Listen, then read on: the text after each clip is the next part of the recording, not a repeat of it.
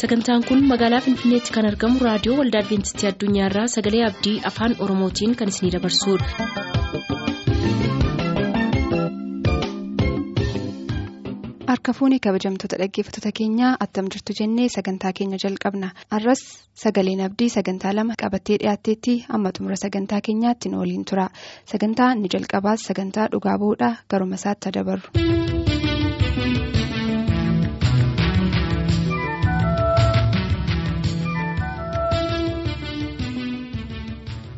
Kabajamoota dhaggeeffattoota keenyaa harka fuuni akkam jirtu isiniin jechaa gara sagantaa dhuga ba'umsaa har'aaf jennee qabanneetti isin dabarsina. sagantaan dhuga ba'umsaa har'aa nama isin kanaan dura hin beekne utuu hin ta'in nama yeroo adda addaatti gara keenyatti deddeebi'uudhaan gochaa waaqayyo isaaniif godheenii harka isaanii irratti dinqii waaqayyo hojjete dhugaa ba'aa kan turan yommuu ta'anii mee. Isaanumti maqaa isaanii akka isaan isinitti himaniifan isaan afeera. Ani Abdiisaa Dheeressaan jedhama.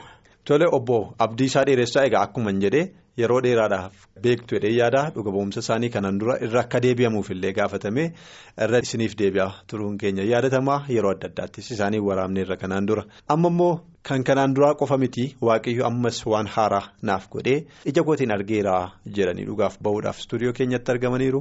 Obbo Abdiisaa Dheeressaatiin maqaa dhaggeeffattootaatiif maqaa kutaa reediyoo kanaatiin baga nagaatiin dhuftanan isaaniin jedha.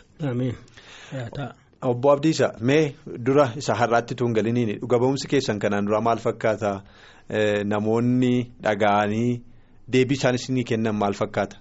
Deebii isaan naa kennanii itti gammadaa turanii xinnoo karaa hoomaa nama tokkotti kan dhaga'e maali raajota duriitii dubbiin kun hin amansiisu kan jedhu sagalee tokkotti hin dhaga'e tokkichuman dhaga'e jaamaa baname ammayyuu jira akkasumas immoo. Laashaan ka'e jira dhaqanii arguu hin danda'u. Waldaa waldaa isaaniis immoo himeeraanii jedheetan waldaa qaawusoo keessaa laashaa ka'e waldaa dimbaaroo keessaa jaamaa baname. Jaamaan kun immoo duula dhaqee deebi'e. Jaamaa duulatti hin erganii. Waaqayyotu banee wanta baay'eetu jira. Yoo amanuu dadhaban dhaqanii ilaaluu hin danda'u jechuudhaafan jedhe. Baay'ee gaariidha. Egaa nuyi gama keenyaan dhuga ba'umsa isin kanaan dura dhiyeessitan irratti deebii baay'ee arganneerra. Namoonni baay'een xalaanuuf barreessaniiru. Bilbilaanis kan nu bilbilan jiru ergaa isin dabarsan yookiis immoo dhuga ba'umsa keessanitti baay'ee gammaduu isaanii itti gammaduu duwwaa osoo hin ta'in barumsa baay'ee irraa argachuu isaanii irraa hubanneerra xalaa dhaggeeffatootaarra. isinis immoo qaamaan namoonni naannoo isin jirtan namoota isin wal argitan qaamaan yaada isiniif kennuun isaaniis akkuma jirutti ta'e mee gara isa har'aatti dabarra dhuga ba'umsi keessan har'aa maalirratti hundaa'a. Dhuga ba'umsi koo har'aa kan inni irratti hundaa'u waa'ee fayyinaati. Inni kaan namoota deebi'anii kan qalbii jijjiirratan jiru. Namoonni qalbiin jijjiirratin du'anis jiru. Isaan akkasii ani warra qalbii jijjiirratin du'aniif nan gaddaa rakkina namaa immoo gammadu'an. Kanaaf kan rukutamanii jaaman jiru jireenyuma isaanii keessatti kan du'an jiru. Jireenya isaanii keessatti utuu qalbiin jijjiirratiin deemuu isaaniitiif nan gaddaa isaanan dabarsa. Tokkoffaan ibsaa addisuu kan jedhamu waldaalataan naangoo keessaa duudee ture. Adiraa mucaa kootiif naa kan dhufe abbaansaa natti dubbatee jennaan nan kadhadhee fi gurrisaa waggaa torbaaf kan duudee waggaa torbaaf kan duudee hin baname. Waggaa torba guutuu waan tokko naga'u ture. Maalidha ka'umsi isaa akkamittiin inni duude erga guddate boodadha moo dhalachuudhumaan immoo. Mucaan kun waan inni irratti duude hin beeku abbaan isaa waggaa torba na duraa duude maaloo daraanaa kadhadhu jedhee gaafan kadhadhee waldaa isaanii immoo dhaqu mucaan koo naa baname gurrisaa. jedhee waldaatti dhugaa bahee anis nan gammade. Galanni waaqayyoof haa ta'u amma nagaa kaa gurbaan. In nagaa. Lammaffaa immoo dhuga koo seenaa baatee kan jedhamtu isaan dura inni waldaa murucaandoo keessaa kutaa adaalatti jala miilli ishee gogee ture. Waldaa isaaniin oolee waldaa sana dhaqee jennaan kottuuti nyaata nyaadhu naan jedhanii na waaman. Mana isaaniin naqe. Mucaan kun lafa teessi. Miilli ishee qarmatti hidhatee gogaadha. Lachuusaa moo miila tokko? Miila bitaan argan miila bitaa. Gogaadha. Ndeessee hin kaatu. maali miilli mucaa kanaan jedhe kadhatanuu godhee fi dhalattee makkattaa ta'edha. kadhatan godhee fi amma ji'a sadansaatti gabaatti natti dhufan. Abbaan ishee fi haati ishee walitti horminee nagaa wal gaafan attama daraa mucaan keessan gaafichaa jennaan mucaan keenyaa hin fayyiteedha. Galanni waaqeffatamu. Amma utuu argite hin beektu hin fiiddi garuu arraba isheetu ni hiikamu jennaan inni miilla hiike arraba si ni hiika isinis kadhadhaa anis nan kadhadhaan jedhe dhufeen ilaalammoo akka isheen miilli ishee hiikaman jedhe. Utuu argite iyyuu hin beektu hin utaaltiin fiiddi jedhan.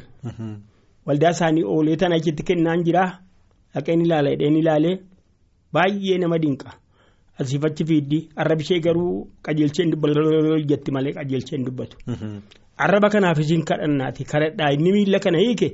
Arraba sin hiikaa waaqni keenya waaqa jabaadha waaqa didaa dubbachiisu. Waaqa duudaa banu jedheen kadhadhe jara sanatti hime ergasii amma dheengadda dhiyoo dubbachuu jalqabdeetti. Galanni waaqeffatamu. Dubbachuu jalqabdeetti. Yeroo ammamiifidha isheen miilli ishee kan inni akka sanatti. Dhalootuma isheetii jalqabdeeti. Amma nama waggaa meeqaa taati isheen? Amma naannoodhuma ijoolluma waggaa torba saddeetiin taati. Amma kana miilli ishee hidhaa ture. Hin kottoonfattu. Amma garuu deemti taphatti. Amma on fiiddi. Arrabni ishee siikame. argee. Galanni waaqeffatamu.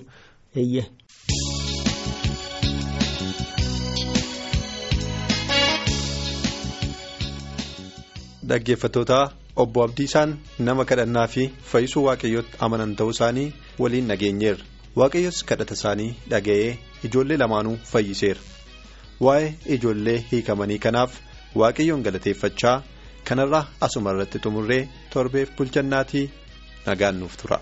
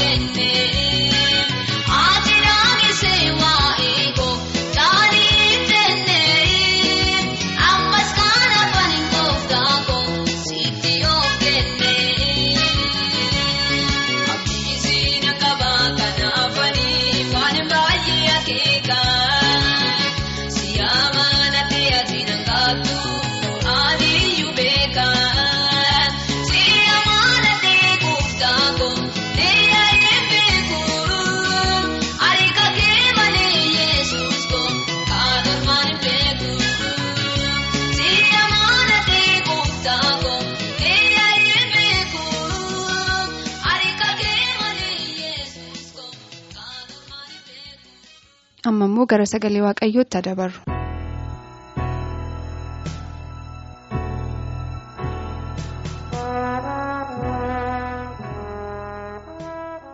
Dhaggeeffattoota sagalee dubbii waaqayyoo dhaga'uudhaaf reediyoo keessan banattan hundumaaf geggeessa waaqayyo nuu godheef baay'ee galateeffannaa ayyaanni waaqayyoo isiniif haa baay'atu hin jedha isinii wajjin ilaaluuf kanan filadhe kormi dubbii isaatii akkana jedha ergaa dhumaa waaqayyo biyya lafaatiif qabu kan jedhu ta'a. Har'a biyya keessa jiraannu keessatti warraansiif dhukkubni dadhabneerraa wanta dhugaaf qabatamaa hin taane akkasumas gochi jibbisiisaan ta'uusaa saba waaqayyoo dadhabsiiseera. Oduu lolaa dhaga'uuniif duutii biyya lafaa kanarratti babal'achuunsaa dadhabsiiseera. Rakkinni biyya lafaa kanarratti baay'ataa waan deemeef ilmaan namootaa yaaddoo keessa galanii jiru.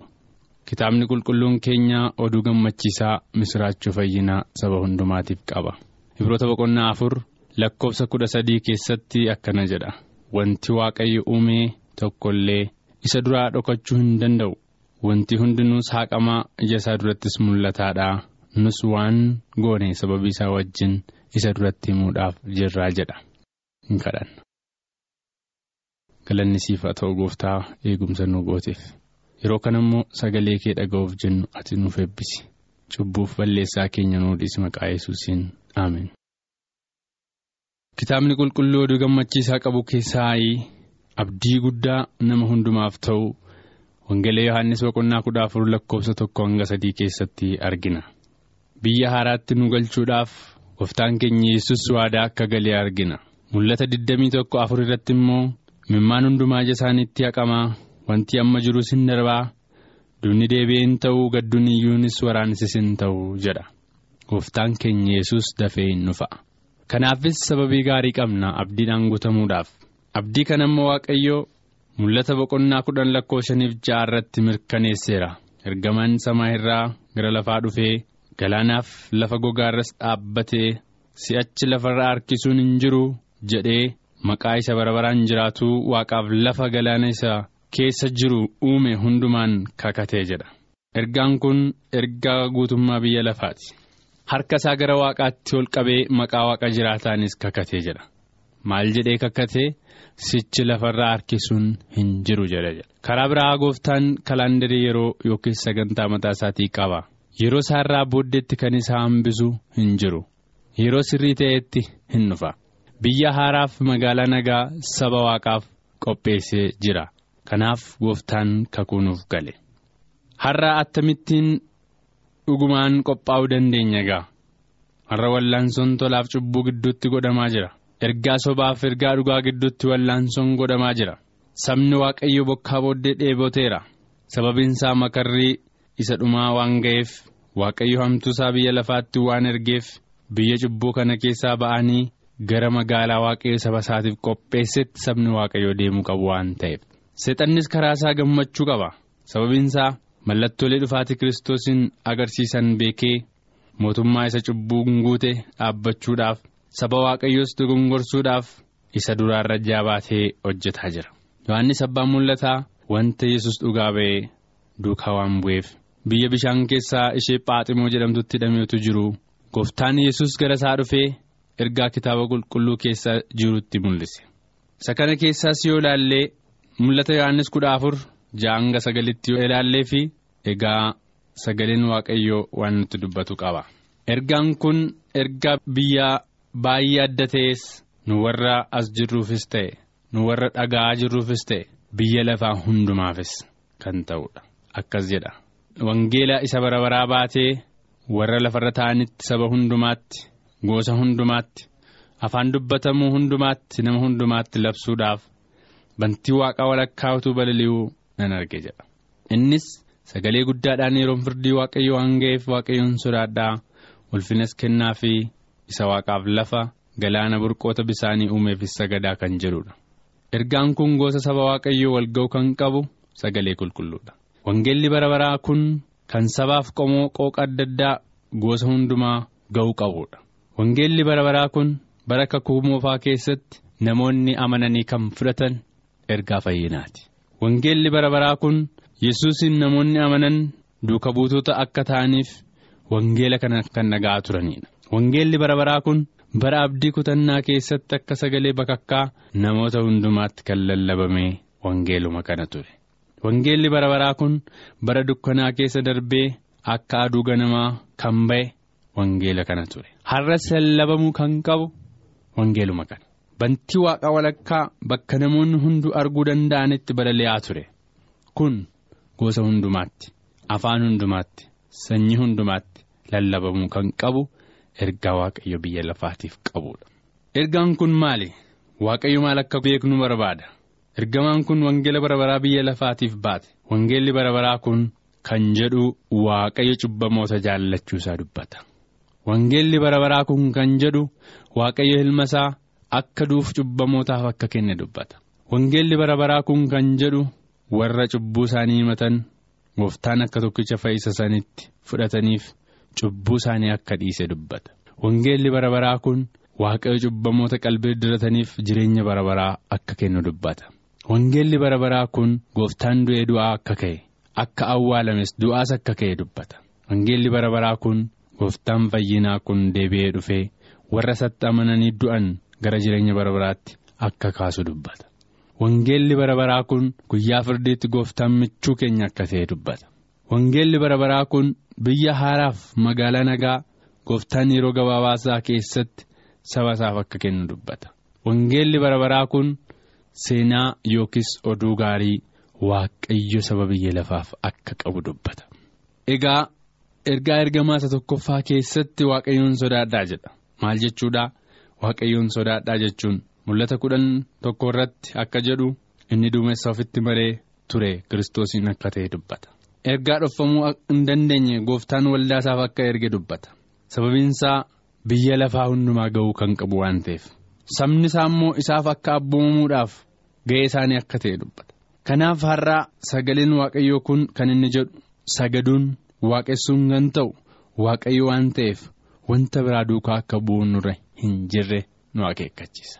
Kanaaf waaqayyoon sodaadhaa jedha. yeroo Museen gara qulqulluu sanarraa seera waaqaa fuudhee dhufee qajeelcha baay'ee qajeelaa ta'e yookiis miidhagaa ta'e fuudhee saba waaqaaf biyya misiriif yommuu ga'ee fuulli isaa hin haguugame. Sabni Israa'el ulfina waaqayyoo isarra jiru ilaaluu hin dandeenye. Fuulli Museedhaas ulfina kiristoosiin hin ife. Garuu sabni gara ulfina isaa sanaa ilaaluu hin dandeenye. Museen garuu jaalalaan adaraa waaqayyo itti kenne duumessa keessaan isatti hime tajaajila mana qulqullummaaf kan ta'u seera waaqayyoo eeguu ulfina isaaf kennuun akka ta'u saba waaqayyootti dubbate. Har'as taanaan ergaan kun biyya lafaa ga'u kan qabu ergaa biyya lafaatiif saba hundumaatiif kenname dubbiin kanaan gara xumuraatti kan dhufu akka ta'e dubbata. Kunis yeroon firdii waaqayyoo waan ga'eef. Qorontoo isa lammaffaa sadii tokko hanga sadiitti yoo dubbifanne nuti wangeela jaatamii torbaffaa akka taane harka namaan kan barreeffame utuu hin taane. Qalamaan waraqata irratti kan barreeffame utuu hin taane. Keessa namummaa keenyaan dubbifamu kan qabu wangeela waaqaa kana kan dubbachuun irra jiru akka ta'e dubbata. Yeroon firdii waaqayyoo ga'eeraa jedha. Gabaabaadhumatti utuu umuriin biyya lafaa kun gara dhumaatti hin dhufin. Firdiin inni dhumaa nama hundumaa irratti bakka akka fudhatu argina. Raajichi Daani'eel yeroon firdii yeroo gabaabaan fuula keenya duratti bakka akka fudhatu mul'iseera. Yeroo kana namni hundinuu akka hojii isaatiitti gaafatamuu hin oolu. Namni hundinuu gaaf tokko fuula waaqayyoo arguuf jira. Kanaaf har'aa gara waaqayyootti deebi'uun barbaachisaadha. Sagaleen waaqayyoo ammas kan nuti dubbatu tokko qaba. Waaqayyo duwwaadha. Uumaan isaaf sagaduuf kan ta'u. Bara baraanis kan jiraatu waaqayyoon duwwaadha. Wanti biraa biyya lafaa kanarraa kan hafu tokko illee hin jiru. Kana duwwaa miti waaqayyo ergaa biyya lafaatiif qabu. Mul'ata Yohaannis kudha afur saddeet irraa ergaa isa lammaffaa yoo laalleef isa duraa duukaa bu'ee jedha. Kufteetti Baabiloon isheen saba hundumaa macheessite. Kudha saddeet afur irraa immoo mul'ata keessaa ammas yoo dubbifanne yaa saba ko cubbuu ishee keessaa akka hin qabaannetti dha'icha isheettis akka hin hirmaannetti keessaa baha jedha. Waaqayyo jallina ishee hundumaa yaadateera. Akeekkachiisi kun Baabiloon ishee sababii cubbuu isheetiif kufteef Baabiloon waaqa kan mormituufidha. Baabiloon biyya lafaa guutummaatti yakka akka baay'eetu kan gootu waliin makamtuudha. Guyyaa tokko waaqaan kan tuffatamteef kan badde kan taatudha. Baabiloon barsiisa wal makaaf gantummaa of keessatti waan qabduuf abboommii waaqayyoo kan jallistuudha. Ergaan kun nama bakka lamatti qooda. Ergaa namaa duukaa warra bu'aniif ergaa waaqa jiraataa duukaa warra bu'an.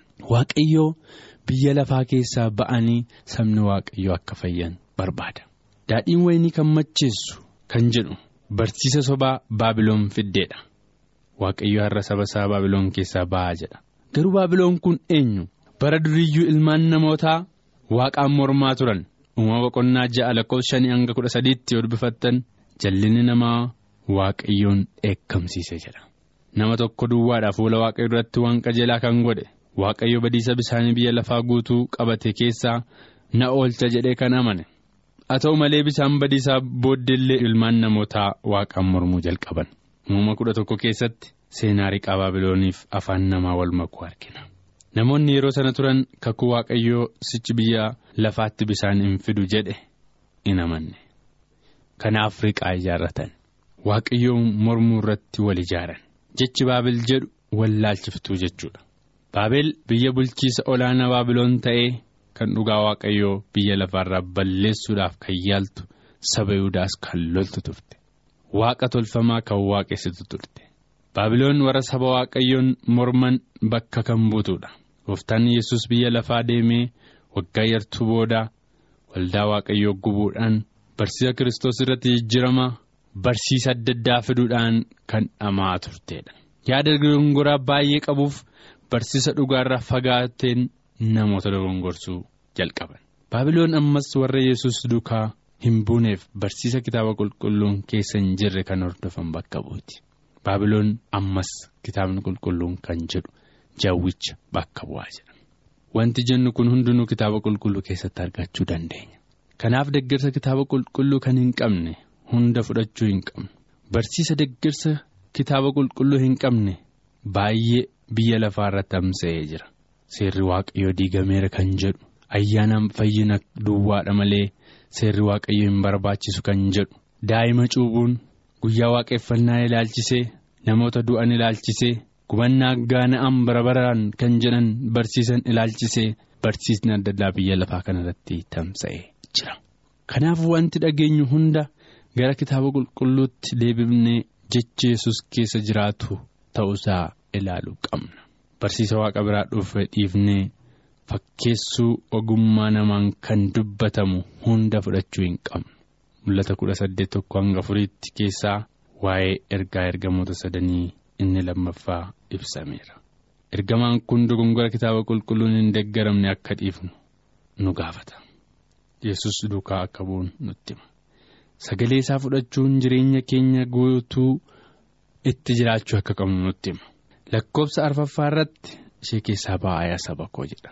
Cubbuu isheetti akka hin qabaannetti dhachisees akka hin hirmaannetti waamichi gara yesus akka dhufnu barsiisa kitaaba qulqulluu hin deeggaramne akka dhiifnu waamu biyya lafaa hundumaatiif har'a.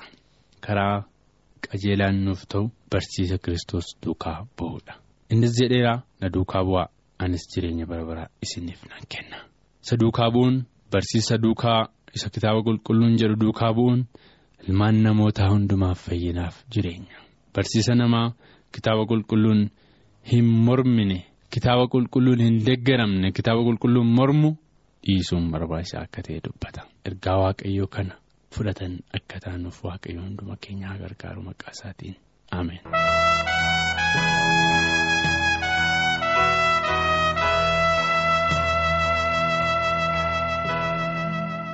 Sagantaa borii jalatti sagantaa faarfannaa qabannee dhiyaanna kanarraaf jenne xumurre yaada sagantaa keenya irratti qabdan nu barreessaa nu bilbilaa teessoon keenyas raadiyoo olda adventistii addunyaa lakkoofsa saanduqa poostaa 455 finfinnee. Raadiyoo olda adventistii addunyaa lakkoofsa saanduqa poostaa 455 finfinnee.